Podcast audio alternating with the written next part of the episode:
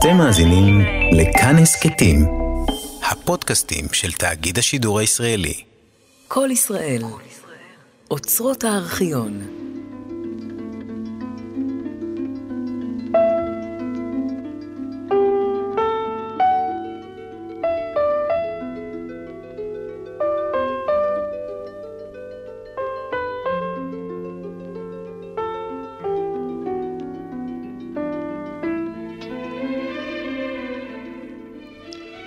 חבר הכנסת משה דיין, ערב טוב. אתה ואנחנו מרבים כל כך לעסוק בבעיותיה של ישראל, לא רק אתה ואנחנו אגב, העולם כולו. ישראל היא המדינה השנייה בגודלה בעולם בהפקת חדשות שמשודרות בעולם ומודפסות בעולם. זה משפט מוסגר.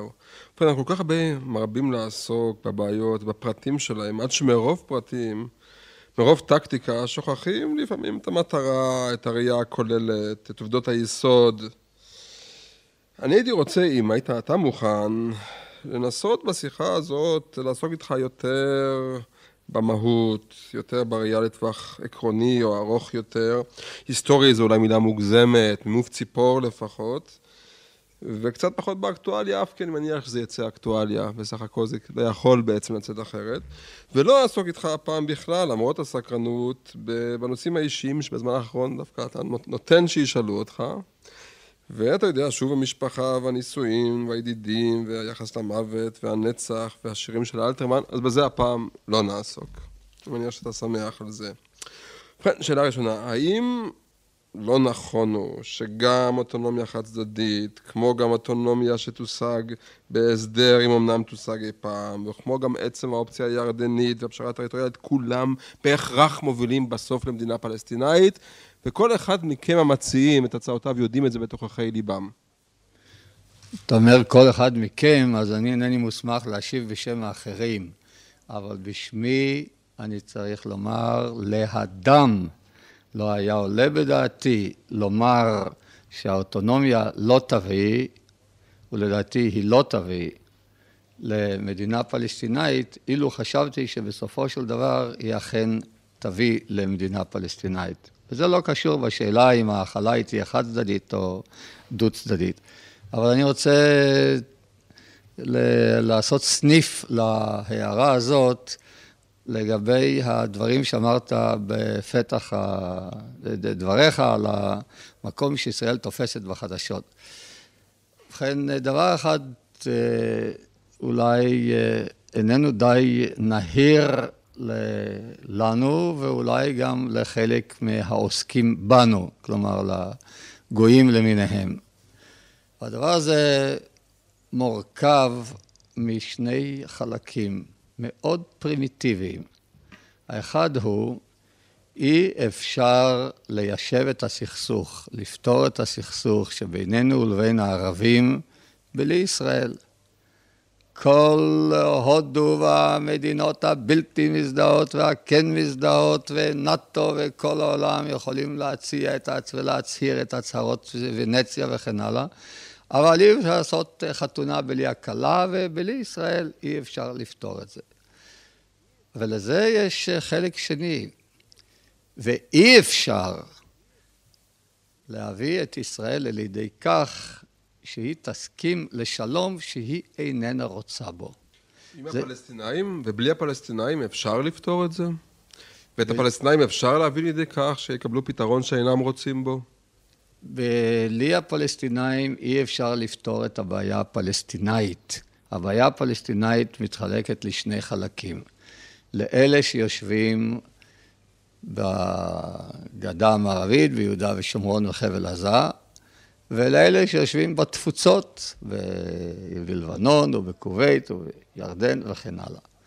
ובכן, הבעיה, בה"א הידיעה הפלסטינאית, איננה ניתנת לפתרון ללא הפלסטינאים כולם, ובראש ובראשונה ללא אלו שנמצאים בתפוצות, כלומר הפליטים, וזה חלק מהם גם הם ארגון טרור, אבל אה, אי אפשר בלעדם. אבל אם אנחנו מדברים על, עלינו מנקודת ראות שלנו, של ישראל, הרי גם אם הבעיה בכללה, או כל עוד שהיא בכללה לא תיפתר, אבל אם אנחנו נגיע להסדר עם חלקה של הבעיה, כלומר, עם אלו שנמצאים לידינו והמדינות שנמצאות לידינו, נאמר מצרים ותושבי רצועת עזה, ירדן ותושבי יהודה ושומרון וכן הלאה. אז אה, לא פתרנו את הסכסוך, כי הטרור אה, יכול להימשך ואש"ף ימשיך בפעולתו והסכסוך יישאר בעינו. אבל מבחינת אה, חיי היומיום של ישראל עשינו צעד ניכר מאוד קדימה ושארית הסכסוך, שאולי לדידם של אותם פלסטינאים הוא עיקרו של הסכסוך, אבל אנחנו נוכל לחיות איתו. אם הם ירצו לפתור את הבעיה כולה, עמדתנו, עמדתי, אדרבה. בואו נשב לשולחן ונדון בבעיה כולה, כולל פתרון בעיית הפליטים. איפה מיישבים אותם, למי משלמים פיצויים וכן הלאה וכן הלאה. הבעיה בבסיסה, כמו שלא התברר, שהבעיה בבסיסה, כמו בכל הניסיונות, בעולם המערבי לפחות, היא בסופו של דבר עצמאות מלאה, ריבונות מלאה לכל מדינה שמקימים, ושהאוטונומיה לבדה, שהיא פחות מריבונות מלאה, בסופו של דבר לא מתגשמת לאורך ימים, בשום מקום בעולם המערבי. לא מתיישבת לא לאורך ימים ולא לקוצר ימים, כי יש שם, יש בנושא הזה שלנו ושל הערבים, או שבינינו ובין הערבים, קונפליקט מהותי. זה לא עניין שמישהו בטעות עשה איזשהו צעד לא נכון, ואנחנו נעשה איזשהו תיקון שולי, והעניין יבוא על פתרונו. יצחק, העניין הוא יסודי. ישראל קמה במקום מדינה פלסטינאית. והשאלה היא או מדינה פלסטינאית או ישראל. אם uh, לראות את המדינה הפלסטינאית כפי שרוצים לראות אותה או רואים אותה, כפי שמגדירים אותה ורואים אותה, uh, אנשי uh, אש"ף, שהם הדוברים בעניין זה, לא רק המוסמכים מטעמם, כי הם גם הקיצוניים. והם באמת מתחילים את הספירה של השואה הפלסטינאית מהצהרת בלפור. הם אומרים שכאשר הוחלט על הקמת בית אה, לאומי יהודי בפלסטינה, בזה החלו לשלול את הזכויות של הפלסטינאים. ואין פירושו של דבר אם כך, אם זה או שאו ש, אם זה או אנחנו או הם, מלחמה אחר מלחמה, מלחמה אחר מלחמה, עד סוף כל הדורות? לא, מלחמות אה, והן אינן נמשכות כך במין שרשרת אה, ללא גבול. כך היה עד עכשיו. לא, לא, לא. את המלחמות עד עכשיו לא עשו הפלסטינאים.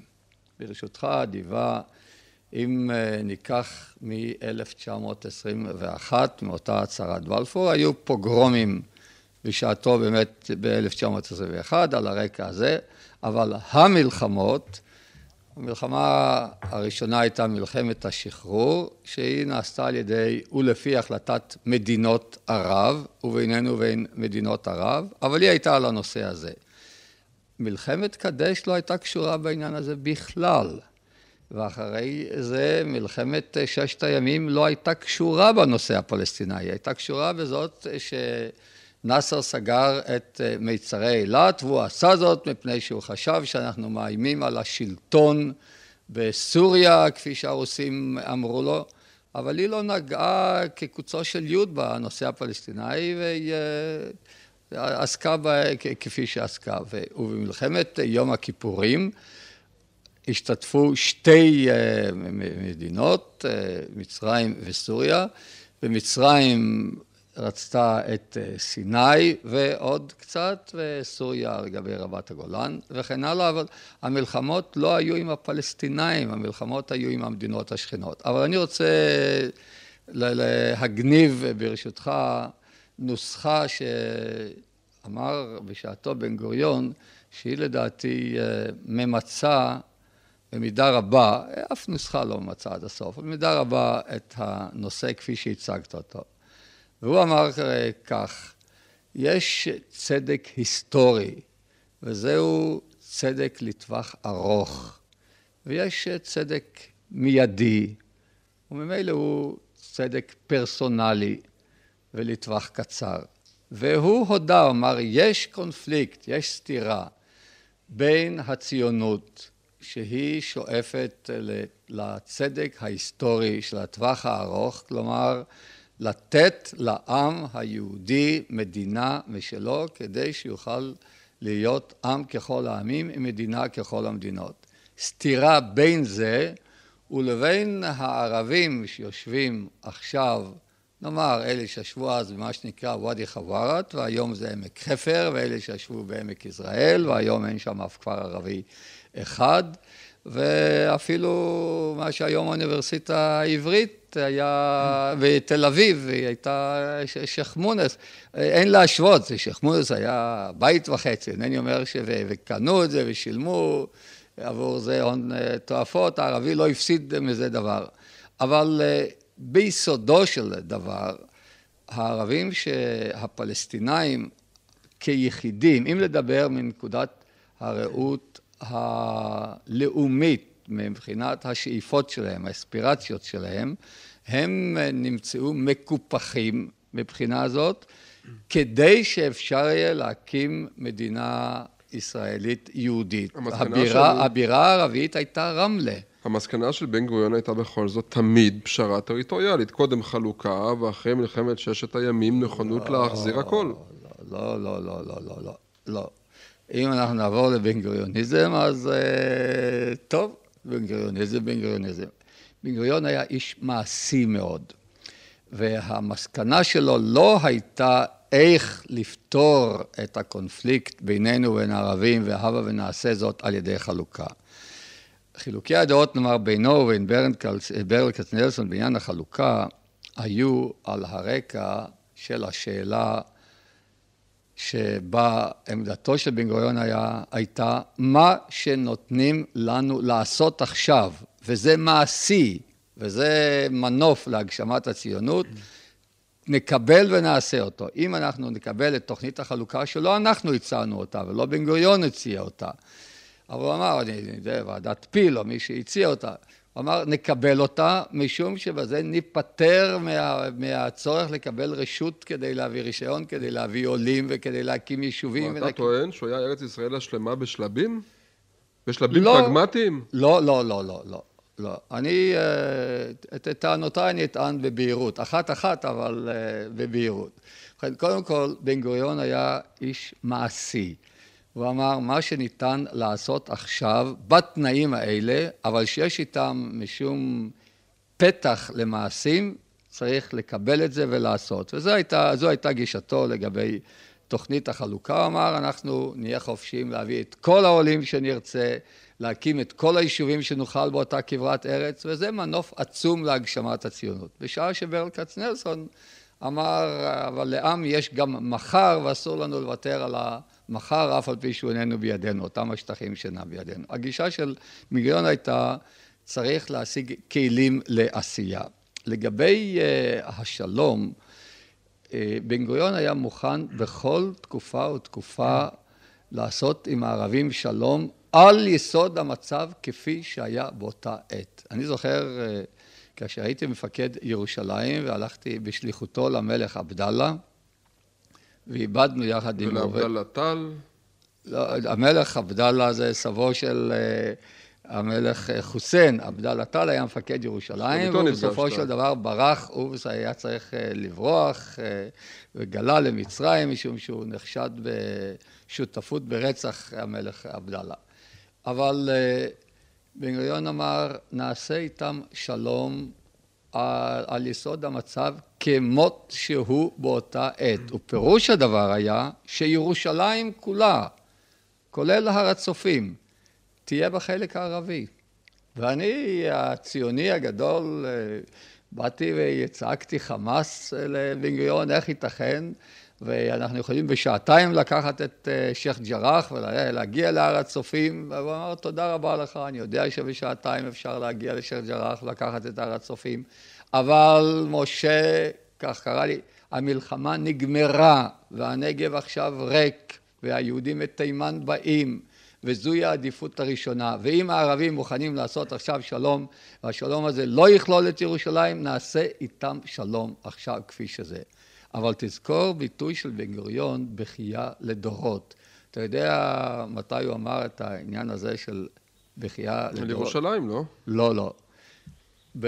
כאשר המלחמה הסתיימה, בן גוריון הציע לכבוש את הר חברון כולו, למרות מה שהמלחמה כבר הסתיימה, ואמר שצריך לכבוש את הר חברון כולו, ולא דרומית מירושלים, עד אה, רמאללה נאמר, מרמאללה ואת הר חברון כולו, לקשור אותו לבאר שבע. והממשלה לא, לא הסכימה ודחתה את אה, הצעתו. ואז הוא אמר, זו תהיה בכייה לדורות, שאנחנו מעצבים את אה, מפת ישראל בלי הר חברון, כלומר שישנם מסדרונות צרים מצד אחד לירושלים, בין תל אביב לירושלים, כי זה לא כלל אז את בית לחם, בית ג'אלה וכן הלאה, ובית אה, המסדרון לנגב שהוא היה בין באר שבע ועזה, זה לא כלל את רצועת עזה וזה לא כלל את הר חברון, אז הייתה רק הרצועה הזו. הוא אמר צריך לכבוש את הר חברון, וכאשר הממשלה התנגדה, הוא אמר זאת תהיה בכייה לדורות, אלא שהדורות לא התנהגו לפי תחזיתו של בן גוריון, ואחר כך באה מלחמת ששת הימים. וזאת לא... סליחה, אבל לחזור לנקודה העיקרית מבחינת הבן גוריוניזם. אני רוצה לציין שני דברים. האחד, הוא העדיף כל הסדר שיאפשר הגשמת הציונות, והגשמת הציונות בעברית הפשוטה זה עולים והתיישבות וכוח ביטחון, מבלי להיות תלויים באחרים, ושנית, לכרות שלום עם הערבים במצב כפי שהוא, בלי ירושלים, בלי ירושלים, בלי הר חברון, בלי הר חברון, לא לומר אנחנו לא נעשה איתכם שלום משום שהיינו רוצים ישראל אחרת. ולזה אתה לא מוכן. סליחה? ולזה אתה לא מוכן, לעשות שלום. להפך. עם פשרה שלא כוללת בתוכה את רוב הדברים האלה, את כל השמות האלה שהזכרת. להפך. בדיוק להפך.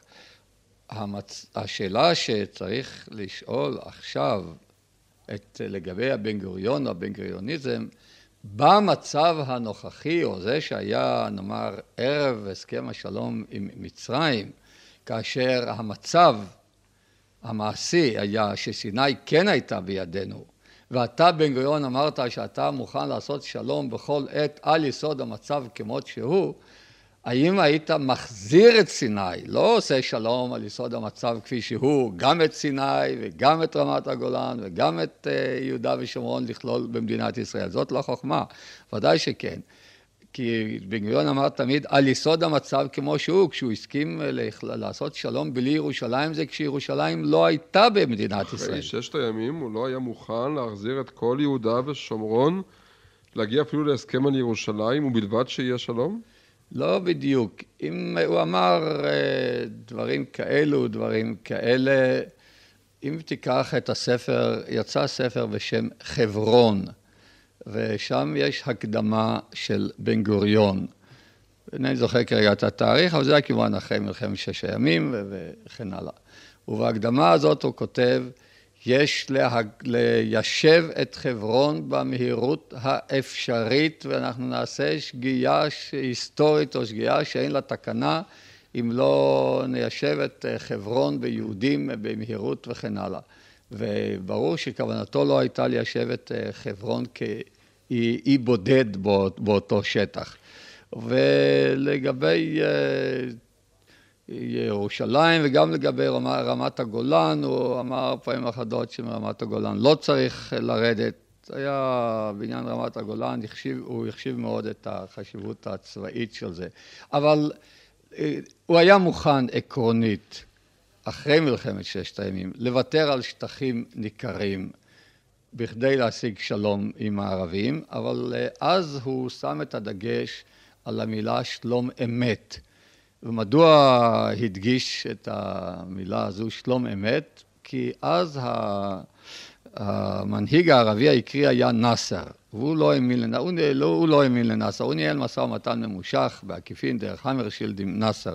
בסופו של דבר הגיע למסקנה שנאסר הוא רמאי ומנסה להוליך אותנו שולל.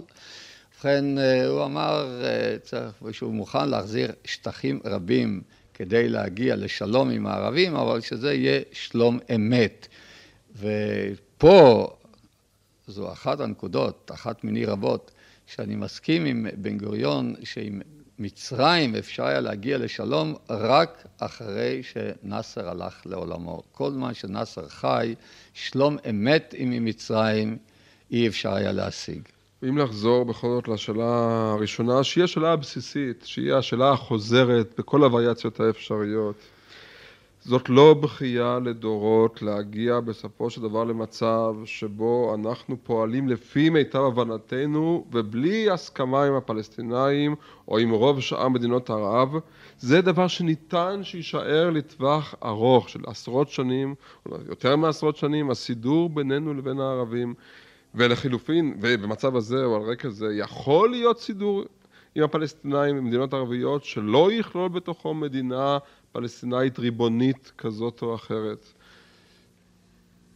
אם uh, להיות uh, מחונן באורך רוח ובמבט אחורה, וכדי להשיב uh, תשובה נוגדת את מה שמשתמע משאלתך, הייתי יכול לומר, תראה, עד לפני זמן קצר המדינות הערביות לא הסכימו בכלל שגבולות מדינת ישראל תהיינה גבולות 67, גבולות הקו הירוק. ותראה מה קורה לערב הסעודית, שהיא אה, פתאום מוכנה למדינת ישראל לעצם קיומה בגבולות 67, תוך כדי החזרת פליטים וכן הלאה. אולי לפני שאתה ממשיך בתשובה, אציע לך עוד נוסחה אחת בהקשר הזה. אחד הסופרים, נדמה לי שזה חברך או חברך לש... שכבר ימים לפחות, א' ב' יהושע או עמוס עוז, נדמה לי שא' ב' יהושע, הציע את הנוסחה ב... מה שצריך לקרות בינינו לבין הערבים הוא שהם יקבלו את אותו דבר שאילו אני הייתי במקומם אני הייתי מקבל. ייתכן שעכשיו הם עדיין לא מקבלים מה שאני אילו הייתי במקומם הייתי מקבל. אני במקומם לא הייתי הולך על אוטונומיה. אני במקומם כן הייתי הולך על פשרה טריטוריאלית הוגנת. אתה במקומם היית הולך על אוטונומיה? לא. למה אתה רוצה שהם ילכו במקומם על אוטונומיה? לא, לא הייתי מקבל במקומם, ואינני אומר שהם ילכו, אני אינני חושב שהם יסכימו להסדר האוטונומיה. מדוע אני מציע את החלת האוטונומיה באורח חד צדדי? מפני שאני אומר שהם לא יסכימו לזה. אילו הם הסכימו לזה, לא היה צריך להכיל את זה באופן, אה, באורח חד צדדי. כל התוכנית הזו הפרימיטיבית אה, שאני מציע היא מתחילה מהעובדה שהואיל ואין אפשרות להגיע להסכם עם הערבים על תוכנית שתהיה מקובלת על שני הצדדים, הבה נעשה את אותו דבר שאנחנו יכולים לעשות בלי הסכמתם, אבל כדי לאפשר להם להיות עצמאיים ולא שאנחנו עם אדונים והם צריכים אה, להיות אה, נתינים עלובים אה, תחתינו. ואתה רואה גם בעוד 40 שנה איך הם יושבים שם בסידור שהוא לא על דעתם, רק על דעתנו, באופן חד צדדי על דעתנו, בלי מלחמות והכל על מקומו בשלום. כן. בסמי שלום. כן, מאוד. מדוע? קודם כל, ובתנאי, ובתנאי שנעשה את אותם הדברים שאני חושב שאנחנו צריכים לעשות. אם אנחנו נמשיך במשטר, אה, בממשל הצבאי כפי שהוא עכשיו, אני חושב שזה לא יחזיק מעמד. לא יחזיק מעמד, אי אפשר שעם אחד יכפה על העם השני ממשל צבאי ויאמר להם, אתם כפופים למושל שלנו, לדני מט ולפואד, אתם יודעים למה? מפני שאתם ערבים, נקודה. גם בסידורים החדשים של אריק שרון? אינני יודע מהם הסידורים של אריק שרון, אבל הם לא כל כך מעניינים אותי אם הם הקלות בממשל הצבאי. טוב, זה מה שאתה עשית, בין היתר. כן, אבל אני אומר עכשיו צריך לזרוק את כל הממשל הצבאי, ואם מישהו בא ומציע בממשל הצבאי שלא יהיה תור ליד מחסום ארז, אני אומר, זה נחמד מאוד שלא יהיה שם מחסום, אבל מה שאני אומר זה צריך לבטל את כל הממשל הצבאי. וזה שלא יהיה תור, או כן יהיה תור ליד מחסום ארז, אחרי 13 שנים של ממשל צבאי, זה איננו פותר את העניין. אבל אה, מדוע אני חושב שאפשר יהיה לחיות איתם ואיך אפשר יהיה לחיות איתם מבלי שהם יסכימו, מבלי שהם יאמרו שזו הגשמת שאיפתם. אם הם יוכלו להיות קשורים עם ירדן ועם מדינות ערביות אחרות ולהיות חופשיים לחלוטין בניהול אורח חייהם, ואינני רוצה להיכנס כרגע לכל פרטי מהות האוטונומיה ומה שאני מציע בתור הכלה חד צדדית. אבל באמת שאנחנו נתרכז רק בדברים שחשובים לנו. לנו חשוב איפה יהיה צה"ל כדי להגן על ישראל, זכות לרכוש קרקעות ולהקים יישובים. ואיך, ואם מקימים בית חולים בחברון או לא, זה לא עניינו של דני מט ולא עניינו של הממשל הצבאי, ולדידי ולוואי ויקבלו כספים ממדינות ערביות ומדינות אירופאיות וכל השוודים והסקנדינביות יבואו ויקימו שם בית חולים לתפארת, למה לא? מה, הם צריכים להיות uh, עבדים נרצעים לנו? אבל אם הם יהיו חופשיים לפתח את חייהם כפי שיכלו, ומצד שני, וזו הנקודה הקובעת, האפשרות, הברירה השנייה, הברירה האחרת היא מלחמה, ובכן תדע לך, פה אני מצטט אותם, הם אינם רוצים במלחמה. מה הם אומרים? אנחנו איננו רוצים בשלטונכם, אנחנו רוצים מדינה פלסטינאית, אנחנו רוצים שצה"ל יצא מהשטחים וכולו, אבל לא באמצעי מלחמה, כי אם תהיה מלחמה, אנחנו הערבים נהפוך לפליטים. אנחנו מכירים אתכם, את אריק שרון ואת משה דיין ואת עם ישראל, כולל שלום עכשיו, וברגע שתהיה מלחמה ואנחנו נימצא בין התותחים של ירדן וביניכם, קודם כל אתם תעיפו את כל תושבי שכם ועזה וקלקיליה וטול כרם וכן הלאה, וגורלנו יהיה כפי שהיה גורלם של הערבים ב-48. והם חוששים מזה, ובדין, מאוד מאוד. לכן כשאתה אומר, אתה משה דיין מאמין שכך אפשר יהיה לחיות בלי מלחמה? אני אומר, כן, מפני שהערבים אינם רוצים לחיות, אה, לעשות מלחמה. אינני רוצה להשתמש בביטוי הזה שהם בני ערובה, כי הם לא בני ערובה, אבל העובדה שהם יושבים עם משפחותיהם וילדיהם ורכושם וכן הלאה באזור הזה, שעליו אה, המחלוקת היא שמונעת מהם ודוחה, מרתיעה אותם מלפתור את זה בדרכי מלחמה, כי הם אה, יהפכו לפליטים ויאבדו את כל הרכוש. ובמצב הזה שבו סאדאת, אה, יש להניח, יעמוד על כך שימצא איזשהו הסדר בעניין יהודה, בעניין אוטונומיה ביהודה ושומרון, כזה או אחר, ובמצב שבו אולי צריך להניח שלמנחם בגין לא יהיה פוטנציאל של הסדר אפשרי שסאדאת ילך עליו, אלא אם כן זה יהיה הסדר חד צדדי, ומנחם בגין הוא לא משה דיין, והוא לא הודיע שהוא תומך בהסדר חד צדדי. במצב כזה אולי לא עדיף לקבל את מה שאני מבין הציע לאחרונה אריק שרון, שאנחנו ננסה להגיע לאותו הסדר שאולי בכל זאת ניתן להגיע אליו, אבל לפחות אריק מאמין בכך, עם סאדאת לפני שמוציאים את הכוחות. לאיזה הסדר אתה מתכוון? הסדר לגבי האוטונומיה, הסדר כלשהו לגבי האוטונומיה שהתקבל על דעת בגין וסאדאת, שלפחות אריק מאמין בו, לפני שמוציאים את הכוחות מסיני. בבקשה, אני אינני יודע, זה לעת עתה זו נוסחה שאינני יודע מה התוכן שבה. אני מסכים בהחלט שמוטב להגיע להסדר כלשהו מאשר ללא הסדר בכלל. ניתן להגיע, אתה חושב, אתה מכיר את סאדאת, אתה מכיר את בגין, יש בכלל סיכוי להגיע להסדר ביניהם אפילו בלי הפלסטינאים? אז יהיה הסדר בין uh, בגין וסאדאת. יהיה? נניח רגע, שיהיה הסדר חתום בין בגין וסאדאת, אבל איפה יבואו תושבי uh, עזה ושכם לתמונה בעניין הזה? מה שצריך לעשות זה שינוי המצב או היחסים בין ישראל והערבים שיושבים בשטחים, ולא נייר חתום בין, uh, בין uh, בגין וסאדאת.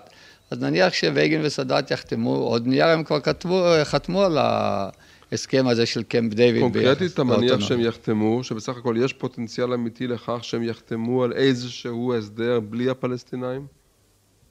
אינני יודע, אם הם יחתמו על משהו, אז זה יהיה משהו כללי. אני חושב שסאדאת ייזהר מאוד עכשיו להופיע כמי שחותם בשם הפלסטינאים, הוא העמיד את עצמו כמוסמך לכך בקמפ דיוויד. אבל היום, כאשר הוא מדבר אה, על כך שצריך לשתף את אש"ף, זה מפני שהוא נכווה בכך שאמרו לו, מה אתה מדבר בשם הפלסטינאים? לכן אני מסופק אם סאדאת יהיה מוכן לחתום על איזשהו הסדר לגבי מה שיקרה בעזה או מה שיקרה בשכם, ללא הפלסטינאים, אינני יודע. אבל אה, צריך לזכור גם את לוח הזמנים. בגין ייסע בספטמבר לארצות הברית. המועד והיעד הקרוב הוא אפריל 82, כלומר פינוי סיני מהיישובים והכוחות הישראליים. אף אחד, לא סאדאת ולא האמריקאים, לא ירצו לשבש את לוח הזמנים הזה. לכן לחודשים הקרובים, אה, בוודאי אה, לא, בחודשים הקרובים לא, לא צפויה איזושהי אה, פעילות של לחץ והסטת נקודת הכובד לנושא של האוטונומיה. יחדשו את השיחות בדרג טכני, בדרג כזה, ובינתיים יהיו חגים, ויהיה חורף, ויהיה חם, ויהיה קר, וייסעו הנה, וייסעו שם, ויסחבו את הזמן. המועד שבו השאלה עלולה לעלות אה, באופן יותר רציני זה רק לאחר השלמת הנסיגה מסיני, ועם הלחץ מצד הפלסטינאים, ובמקרה זה נאמר כדוגמה, אם אש"ף יחדש את הפעולות שלו מלבנון, זה ישבור את הכלים. זה, זה יפוצץ את הרגיעה הזאת שישנה היום בשטח. אם הגענו לעניין אה, לבנון, לא נכון הוא, אולי קודם הטילים הסוריים, לא נכון הוא שבסופו של דבר הפסדנו את המערכה על הטילים הסוריים, כמו כפי שקרה עם הטילים המצריים. הטילים המצריים נשארו שם, הטילים הסוריים נשארו בידי הסורים, המתווך נעלם מן האופק, ובעצם הסורים אה, השיגו את שלהם. קודם כל, אני רוצה לערער על הכמו. כמו... הנחתי שתערער מתוך זיכרונותיך האישיים. מה, שמה, שמה. אני הייתי בעד לבלוע את הצפרדע הטילית הזאת, מפני שמה מה היה? הם הזיזו בלילה את הטילים שלהם, אה, המצרים, בניגוד להסכם שנקרא stand still, שלא יזיזו את הטילים, הם הזיזו אותם קדימה, בצד המערבי של התעלה. אבל על מה דובר? דובר על טילים שנמצאים בצד המערבי של תעלת סואץ במצרים, כלומר שמטוסים שלנו לא יוכלו באופן חופשי לטוס ולהפציץ ערים אה, מצריות שם. אמרתי, טוב, אז אה, נחיה עם הדבר הזה כאשר נכנסה לתוקפה, ובאמת נכנסה לתוקפה, אז ההפוגה שהחזיקה מעמד עד אה, מלחמת יום הכיפורים. נכנסה לתוקפה. אמרתי, אם באמת מקבלים את אה, יוזמת השלום של רוג'רס ומפסיקים את המלחמה והטילים זזו, אז הטילים זזו, הם לא חצו את התעלה. לא כן אה, לגבי לבנון. ובכן, בעניין הטילים, בהחלט הפסדנו את המערכה. לא רק שהפסדנו את המערכה, היא הייתה מראש מערכה חסרת סיכוי. זה היה קרב אבוד מראש. אחת מן השתיים. או שממשלת ישראל הייתה צריכה לשלוח, כפי שבגין אז אה, קרא קריאה גדולה באספות, אה, באספות הבחירות, את יאנוש ואת רפול ותוך שעתיים ולהפעיל את צה"ל ולסלק את הטילים האלה, ואפשר היה מבחינה צבאית לעשות זאת, או לבלוע את זה, אבל לסמוך על פיליפ חביב, שהוא ייסע לריאד, והסעודים על ידי זה שהם יסגרו את השיבר של הכסף שהם נותנים לסורים, יביאו אותם לזה שהם יחזירו את הטילים. זה רק אה, כסות אה, עיניים והתחמקות מהשאלה. אין שום סיכוי שהם יחזירו את הטילים על ידי פיליפ חביב. הטילים אינם נמצאים בישראל ולא נמצאים ליד גבולה של ישראל. והם אה, יאמרו ואומרים, הסורים והלבנונים, אל תטוסו מעל שמי לבנון, והטילים האלה לא יפריעו לכם. מה אתם בכלל עושים פה, אם אפשר לדעת? ובמה שנוגע ל... לפלסט... לאנשי אש"ף בלבנון, לא... נניח שלא הפסדנו שם את המערכה, אבל זה לא תיקו, כמו שהתבטאו אנשי צבא? בהחלט, לא רק שלא, שכן תיקו, מה זה תיקו? זה, זה יותר גרוע מתיקו. פה התעוררה השאלה, שאלה עקרונית, שב... אם יהיה לנו זמן, צריך לדון עליה באופן יותר יסודי. השוני שבין פעולות מנע לפעולות תגמול, לא השוני הטכני, אלא גם ובעיקר הפוליטי והמהותי. ובכן, בגין יצא במשך תקופה ארוכה בסיסמה של לא עוד פעולות תגמול, אלא פעולות מנע. והאמין, אני מניח לפי uh, עצות אה, הרמטכ"ל ואנשי צבא אחרים, שהוא יוכל על ידי אה, פעילות צבאית אה, עד כדי כך להתיש את, ולשבש את המערך של אש"ף בלבנון, שהם לא יוכלו לפעול את אותן פעולות הטרור נגד ישראל. ובמה הסתיימה אותה מערכה? הסתיימה בזה שבקריית שמונה ברחו התושבים, וכולם, כל אנשי הצבא אמרו שאי אפשר, והם לא הצליחו למנוע מהתותחים של 130 מילימטרים ומהקטיושות את האפשרות, גם אחרי שפוצצו את הגשרים על הליטניה, את האפשרות להתקרב, לראות אה, מספר אה, מטחים ולחזור. מה היית אתה כשר הביטחון עושה שם? בכל אופן, היה ברור שאי אפשר למנוע את זה על ידי פעולות אוויריות בלבד. הברירה שעמדה הייתה אחת מן השתיים. או לעשות פעולה קרקעית, כדוגמת מבצע ליטני.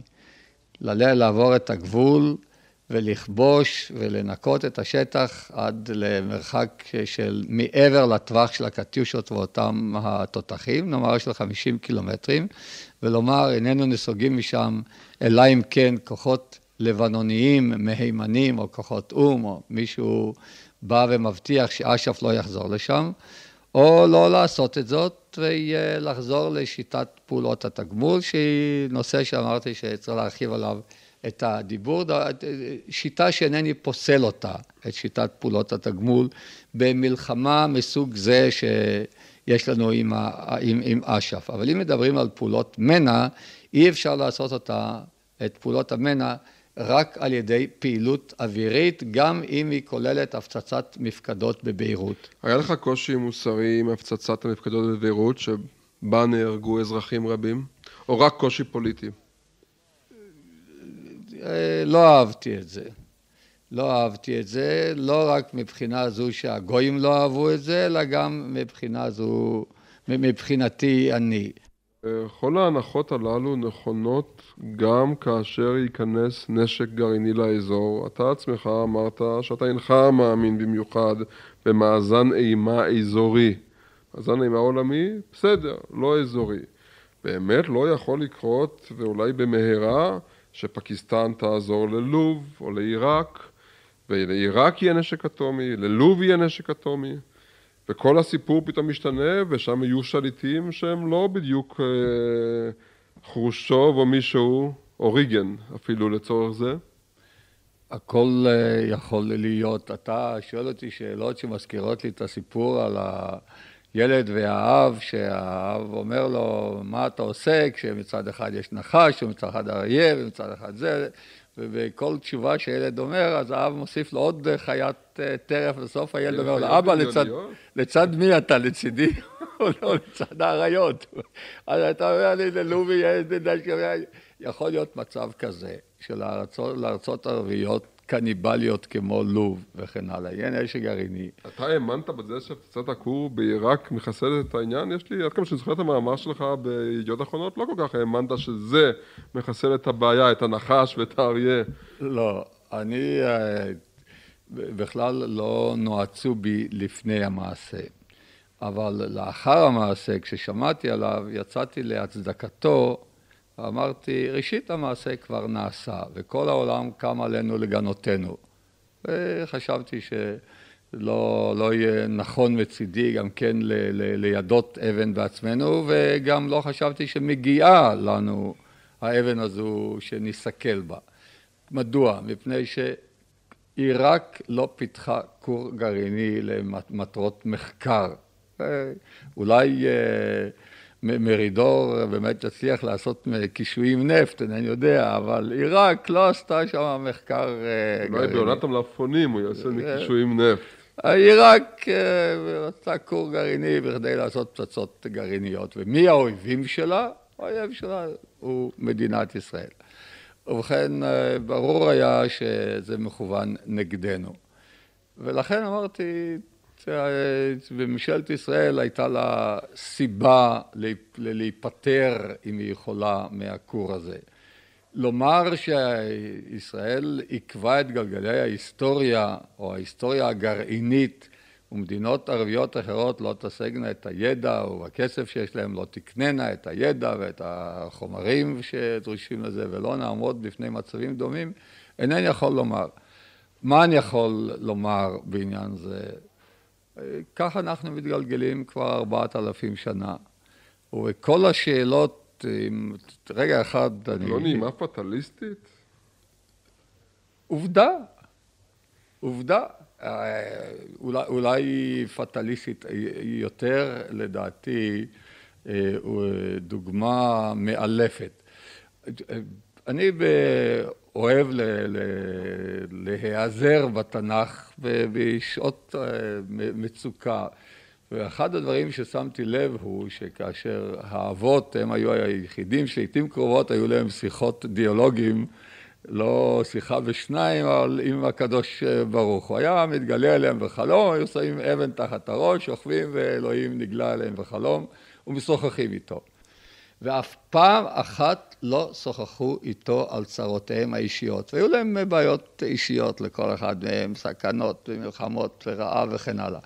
אלא מה יהיה איתנו? והוא אמר, אל תירא עבדי יעקב ועשה לגוי גדול וכן הלאה, והתגלגלו, והתגלגלו דרך האינקוויזיציות, וזה לא חשוב עכשיו אם המרד של בר כוכבא היה מוצדק מבחינת עצם עשייתו או לא. ואם הוא נכשל או לא, ודאי שהוא נכשל מבחינה צבאית, אבל אה, עם ישראל נשאר. ובכן, הגענו עד 1981, ולאחר השואה של היטלר, וייתכן שמחכות אה, לנו בדרך מעבר לאופק פצצות גרעיניות ועולם אה, ערבי יותר גרוע מאשר מצב העם היהודי לא של היטלר. ייתכן, לא בטוח. לא בטוח שבידי מדינות ערביות יהיו בטווח נראה לעין פצצות גרעיניות? מכל מקום, מה ש... במה, ש... במה שאני בטוח הוא שאם בידי הערבים תהיינה פצצות גרעיניות, ישראל לא תעמוד בחוסר אונים וחדלת מעש. ואז יהיה מאזן אימה? בכל זאת, אחרי שאמרת שאתה לא מאמין במאזן אימה? אינני יודע אם יהיה מאזן אימה, אבל יהיה מאזן גרעיני. זה אימה או לא אימה, אינני יודע, אבל זה, תראה, את אה, כנען כבשו בחרבות באורך של 30 סנטימטרים. והיום אה, יורים, ב... כשאנחנו הפלנו את המטוס הזה של המיג 25, אפילו לא ראו אותו מטווח של 15 מייל דרך איזשהו רדאר וכן הלאה. ונשק גרעיני, יכול להיות שזה יהיה נשק שגרתי, שאנשים ילמדו לחיות איתו. וידעו שאם אתה זורק לי על הראש פצצה אטומית, אז uh, אתה תחטוף גם כן פצצה אטומית, ואינני uh, יודע אם זה יביא לזה שלא יזרקו או כן יזרקו, אבל uh, מה, מה, מה הברירה האחרת? לקרא, אם אתה מעלה את הנושא הגרעיני, אני אומר שהברירה היחידה שבידי ישראל היא לא לסמוך על כך שלערבים זה לא יהיה, אלא לדאוג לכך שהיא לא תעמוד בידיים ריקות, אם וכאשר לערבים זה יהיה. וברירה אחרת היא לא להגיע לאותו סוג של פשרה שמבוסס על לא ההנחה שהנחתי קודם, שניתן להם את מה שאילו היינו אנחנו במקומם היינו מסכימים? תיתן להם מה זה תל אביב. הם אינם רוצים את עצם קיומה של מדינת ישראל. את יפו ואת לוד ואשקלון ועצם המדינה הזרה הזו, המדינה היהודית בלב העולם הערבי, חוץ ממה שהלוא הקדוש ברוך הוא עושה לנו כל מיני טובות, ובין שאר הטובות, אז אנחנו חוצצים מין טריז כזה מים התיכון ועד ים סוף, באמת בין uh, החלק ה... המערבי של העולם הערבי, של אה, אלג'יר ומרוקו ומצרים וכן הלאה, ובין החלק המזרחי. ממש חציצה פיזית. אבל אה, גם אה, מחוץ לחלק הפיזי, אנחנו מבחינתם נטע זר. ונטע זר עם קשרים למערב, ובא במקום הפלסטינאים ובמקומות שהם מקודשים להם, שסלאח א-דין נלחם עליהם, ובבית ג'וברין, ורמלה הייתה בירת אה, העולם הערבי, אה, הפלסטינאים במאה השביעית, והם אינם רוצים איתנו לתת להם את מה שהם רוצים להם, אם אתה מדבר על לוב, אתה מדבר על, על אלה. בפוטנציאל יהיה להם נשק גרעיני על עיראק ועל לוב, על החומניזם למיניהו, זה ל- לעשות את מה שגולדמן אומר, לארוז את החפצים ולחפש אה, כל אחד פרנסה באיזשהו מקום בגולה. והברירה האחרת היא לנסות ולהגיע איתם לאיזושהי פשרה שבה צריך לפתור, לדעתי, את בעיית הפליטים, צריך לפתור אותה. אילו הם היו מוכנים לשבת לשולחן ולדון בפתרונה, וישראל צריכה להשתתף בזה, בדיון הזה ובפתרון הבעיה הזו בכללה, כאשר אה, הפתרון איננו בהחזרתם לישראל, אלא תשלום פיצויים מסוימים על ידי ישראל, אבל יישובם בארצות ערביות אה, אחרות שיכולות לקלוט אותם, מפני שאנחנו לא נחזיר את היהודים לעיראק ולא נחזיר את היהודים למרוקו וכן הלאה. ולמצוא דרך, וזו כרגע הבעיה האקטואלית, הלוחצת, שלא נשלוט על הערבים שנמצאים כבר 13 שנים תחת ממשל צבאי שלנו. זה ממש בלתי נסבל. יש לי עוד אה, שאלות לא מעטות לשאול אותך, לא רק בתחומים המדיניים, אלא גם בכמה תחומים פנימיים ואחרים. ואם אתה לא מתנגד, למאזינים אין ברירה אלא לא להתנגד, אה, ניפגש אולי שוב בשבוע הבא ונקיים אה, שיחה נוספת כזאת ממעוף הציפור על כמה עניינים נוספים, אבל כדי לסכם את הפרק המדיני הזה, אתה לא נוטה בדרך כלל לדבר על טווח ארוך מדי, כי מה שנראה מעשי הוא באמת הטווח הנראה לעין. אבל בכל זאת, בטווח הארוך ביותר שאתה מוכן להביט אליו, 20 שנה, 15 שנה, תגיד. זה ארוך. 30 שנה אני מעדיף, 50 שנה עוד יותר טוב. וגם כן לא ארוך, צריך לדבר על מאות, על מאות שנים. נוסח של מאות שנים, איך אתה מדמה, אתה מוכן לתת איזו תמונה, איזה דימוי, של ישראל, לפחות מבחינת אה, הגבולות של שכני המעמדה הצבאי והמדיני? ביחס לגבולות אני יכול עכשיו לדמות רק שני גבולות.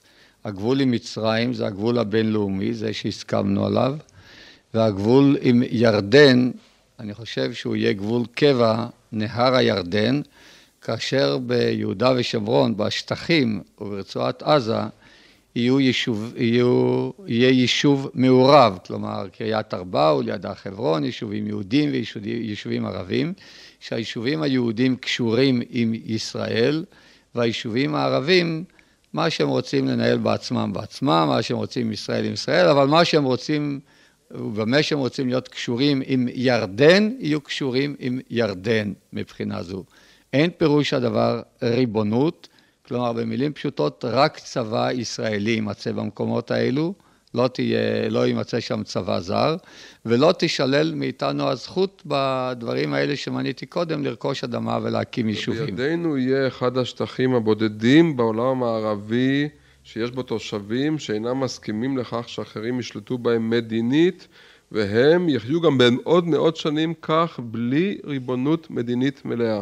לא הייתי אומר ששולטים בהם מדינית, הייתי אומר שלא נותנים להם למלא את משאלותיהם המדיניות, כלומר הגדרה עצמית או הקמת מדינה פלסטינאית, ובמידה שיש שם יישוב יהודי או יישובים יהודים, הדבר גם יתקבל יותר על הדעת. הדבר הזה יהיה טבעי, מפני ש...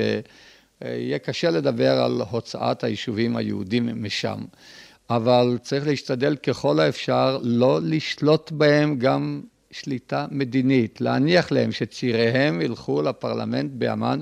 עובדה היא שלאחר 48, בין 48 ו-67, כאשר הם יכלו לבחור בהקמת מדינה פלסטינאית ובקביעת ירושלים כבירה לאותה מדינה, הם העדיפו את ירדן כארצם וקיבלו את האזרחות הירדנית ושלחו את נציגיהם לאמ"ן. כמובן שהפרלמנט באמ"ן לא יוכל לקבל החלטות על מה שיעשה באותם השטחים, ובעניין זה מה יעשה באותם השטחים נצטרך להגיע להסכם איתם. אני מדגיש, גם לא לספח את השטחים האלה למדינת ישראל. לא להכיל את הריבונות הישראלית עליהם. מדובר על רצועה צרה של 50 קילומטרים שהיא תוצאה של אבסורד היסטורי בין הירדן ולבין הקו הירוק, וברצועה הזאת יישוב מעורב וצריך למצוא גם שיטת ממשל או משטר או הבנה מעורבת. זה לגבי עוד כמה מאות שנים, אני יכול לדבר לגבי השבוע הבא, אנחנו נספח בכל זאת גם את השעה בשבוע הבא. וניפגש בה שוב, גם איתך, עם המאזינים. תודה רבה למשה דיין. תודה רבה לך.